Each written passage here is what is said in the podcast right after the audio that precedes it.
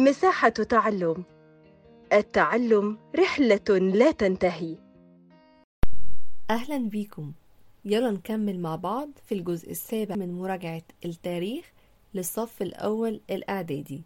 في الجزء ده هناخد أسئلة ماذا كان يحدث إذا وأسئلة صوب ما تحته خط أو صوب الخطأ. يلا نبدأ في أول سؤال في ماذا يحدث إذا. أول سؤال معانا بيقول إيه اللي كان هيحصل لو فشلت الوحدة التانية اللي اتحققت على يد الملك مينا أو الملك نعرمر؟ الإجابة اللي كان هيحصل إن كانت البلاد هتفضل متقسمة لمملكتين وكمان ما كانتش هتتأسس الأسرة الأولى وكمان ما كانتش هتتبنى مدينة منف. يبقى الإجابة ظلت البلاد مقسمة إلى مملكتين لم تؤسس الأسرة الأولى ولم تبنى مدينة منف. السؤال رقم اتنين. ماذا يحدث إذا كان الملك بيبي الثاني من الملوك الأقوياء؟ لو كان الملك بيبي الثاني من الملوك الأقوياء كان إيه اللي هيحصل؟ طبعا ما كانتش هتضعف ولا هتنهار الحكومة المركزية. وكمان لما ما كانش هتضعف ولا تنهار الحكومة المركزية ما كانتش هتتفكك الوحدة بتاعة البلاد. والدولة القديمة ما كانتش هتسقط. يبقى الإجابة لم تضعف وتنهار سلطة الحكومة المركزية وبالتالي لم تتفكك وحدة البلاد ولم تسقط الدولة القديمة. السؤال رقم 3 إيه اللي كان هيحصل لو ما كانوش المصريين بيعتقدوا في البعث والخلود؟ ماذا كان يحدث إذا لم يعتقد المصريون القدماء في البعث والخلود؟ طبعا اللي كان هيحصل إن هما ما كانوش هيحنطوا الجثث بتاعة الموتى بتاعتهم وما كانوش هيعملوا الأهرامات اللي هي كانت المقابر الحصينة بتاعتهم. يبقى الإجابة لم يقم المصريون بتحنيط جثث موتاهم ولم يقوموا بتشييد المقابر الحصينة اللي هي الأهرامات. السؤال رقم أربعة ماذا كان يحدث إذا لم يتمكن المصريون القدماء من هزيمة الهكسوس؟ إيه اللي كان هيحصل لو المصريين القدماء ما قدروش إن هم يهزموا الهكسوس؟ طبعا اللي كان هيحصل إن هيستمر حكم الهكسوس وهيفضلوا ينهبوا في الخيرات بتاعة البلد وكمان يفرضوا الضرائب الكتير جدا على المصريين. يبقى الإجابة استمر الهكسوس يحكمون مصر وينهبون خيراتها ويخربون المعابد ويفرضون الضرائب على المصريين. ده لو كان استمر حكم الهكسوس. السؤال رقم خمسة. ماذا كان يحدث إذا تمكنت شعوب البحر المتوسط من هزيمة رمسيس الثالث؟ اللي كان هيحصل لو شعوب البحر المتوسط اتمكنت من هزيمة رمسيس الثالث؟ طبعا كانوا هيتمكنوا من احتلال مصر وما كانش هيكون رمسيس الثالث آخر الملوك العظام. يبقى الإجابة هي تمكنوا من احتلال مصر ولم يعتبر رمسيس الثالث آخر آخر الملوك العظام. السؤال رقم ستة في ماذا كان يحدث إذا لم يستطع الملك أبسماتيك الأول تكوين جيش قوي؟ إيه اللي كان هيحصل لو ما كانش كون جيش قوي؟ طبعا ما كانش هيخرج الأشوريين من مصر ومصر ما كانتش هتسترد حريتها ولا استقلالها. يبقى لم يخرج الأشوريين من مصر ولم تسترد مصر حريتها واستقلالها. تعالوا ننتقل دلوقتي للجزء التاني وهو أسئلة صوب ما تحته خط أو أنا هقول لكم إيه هي الجزء الغلط في الجملة ونبدأ نتعرف على الجزء الصح. أول سؤال معانا كان الإنسان المصري القديم دائم التنقل فوق الهضاب في العصر الحجري الحديث؟ هل هو كان دائم التنقل في العصر الحجري الحديث؟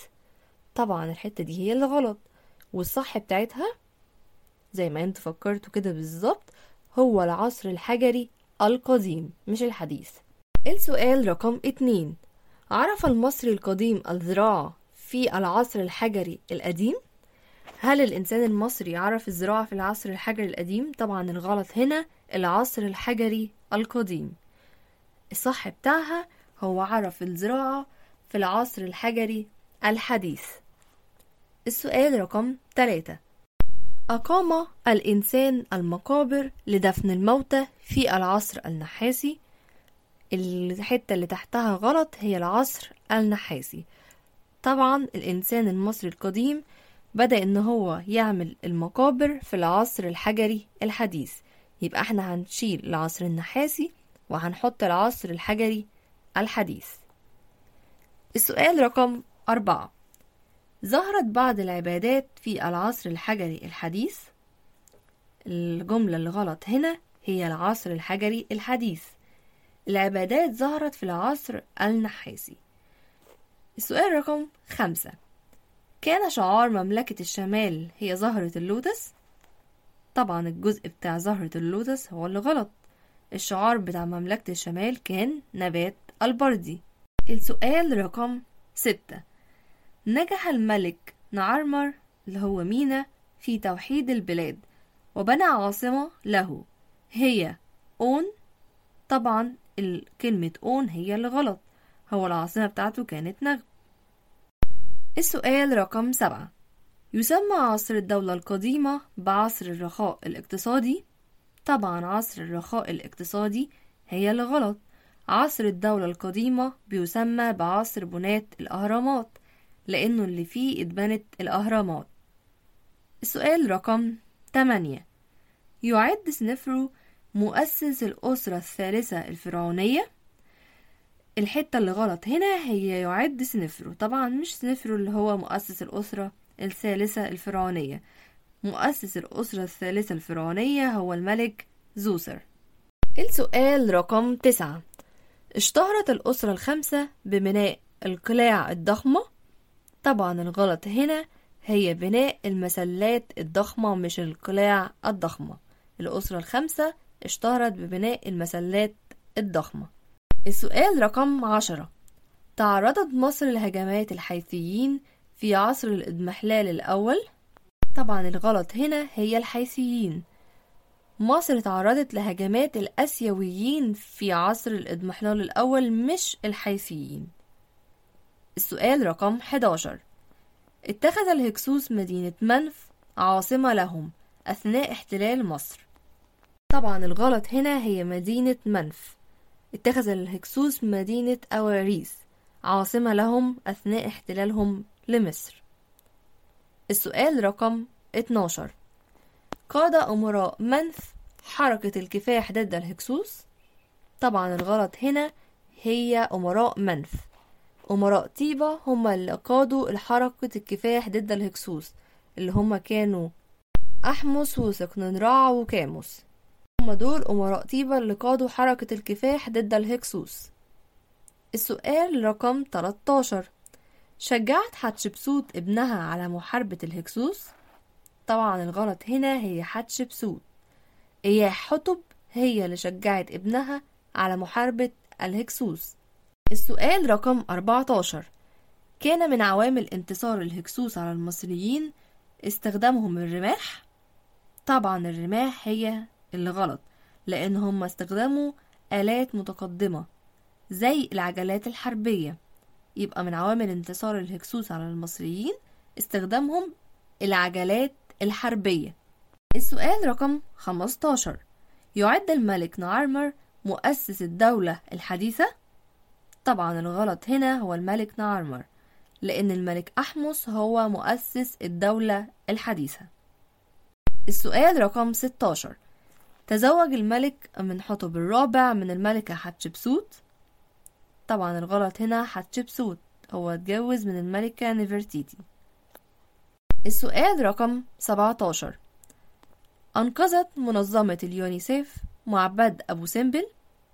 طبعا الغلط هنا هي منظمة اليونيسيف طبعا اليونسكو هي اللي أنقذت معبد أبو سمبل. سؤال رقم 18 اكتشفت مقبرة إخناتون سنة 1922 الغلط هنا إخناتون هي اللي اكتشفت مقبرة توت عنخ آمون.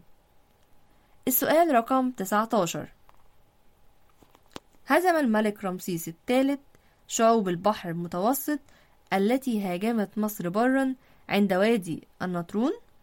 طبعا الإجابة الغلط هنا هي وادي النطرون لأن الإجابة الصح هي رفح. هزم الملك رمسيس الثالث شعوب البحر المتوسط التي هاجمت مصر برا عند رفح. السؤال رقم عشرين والأخير انتهى عصر الدولة الحديثة بازدياد نفوذ حكام الأقاليم. طبعا حكام الأقاليم هي الغلط انتهى عصر الدولة الحديثة بازدياد نفوذ الكهنة وهم كانوا كهنة الإله رع وبكده نكون خلصنا.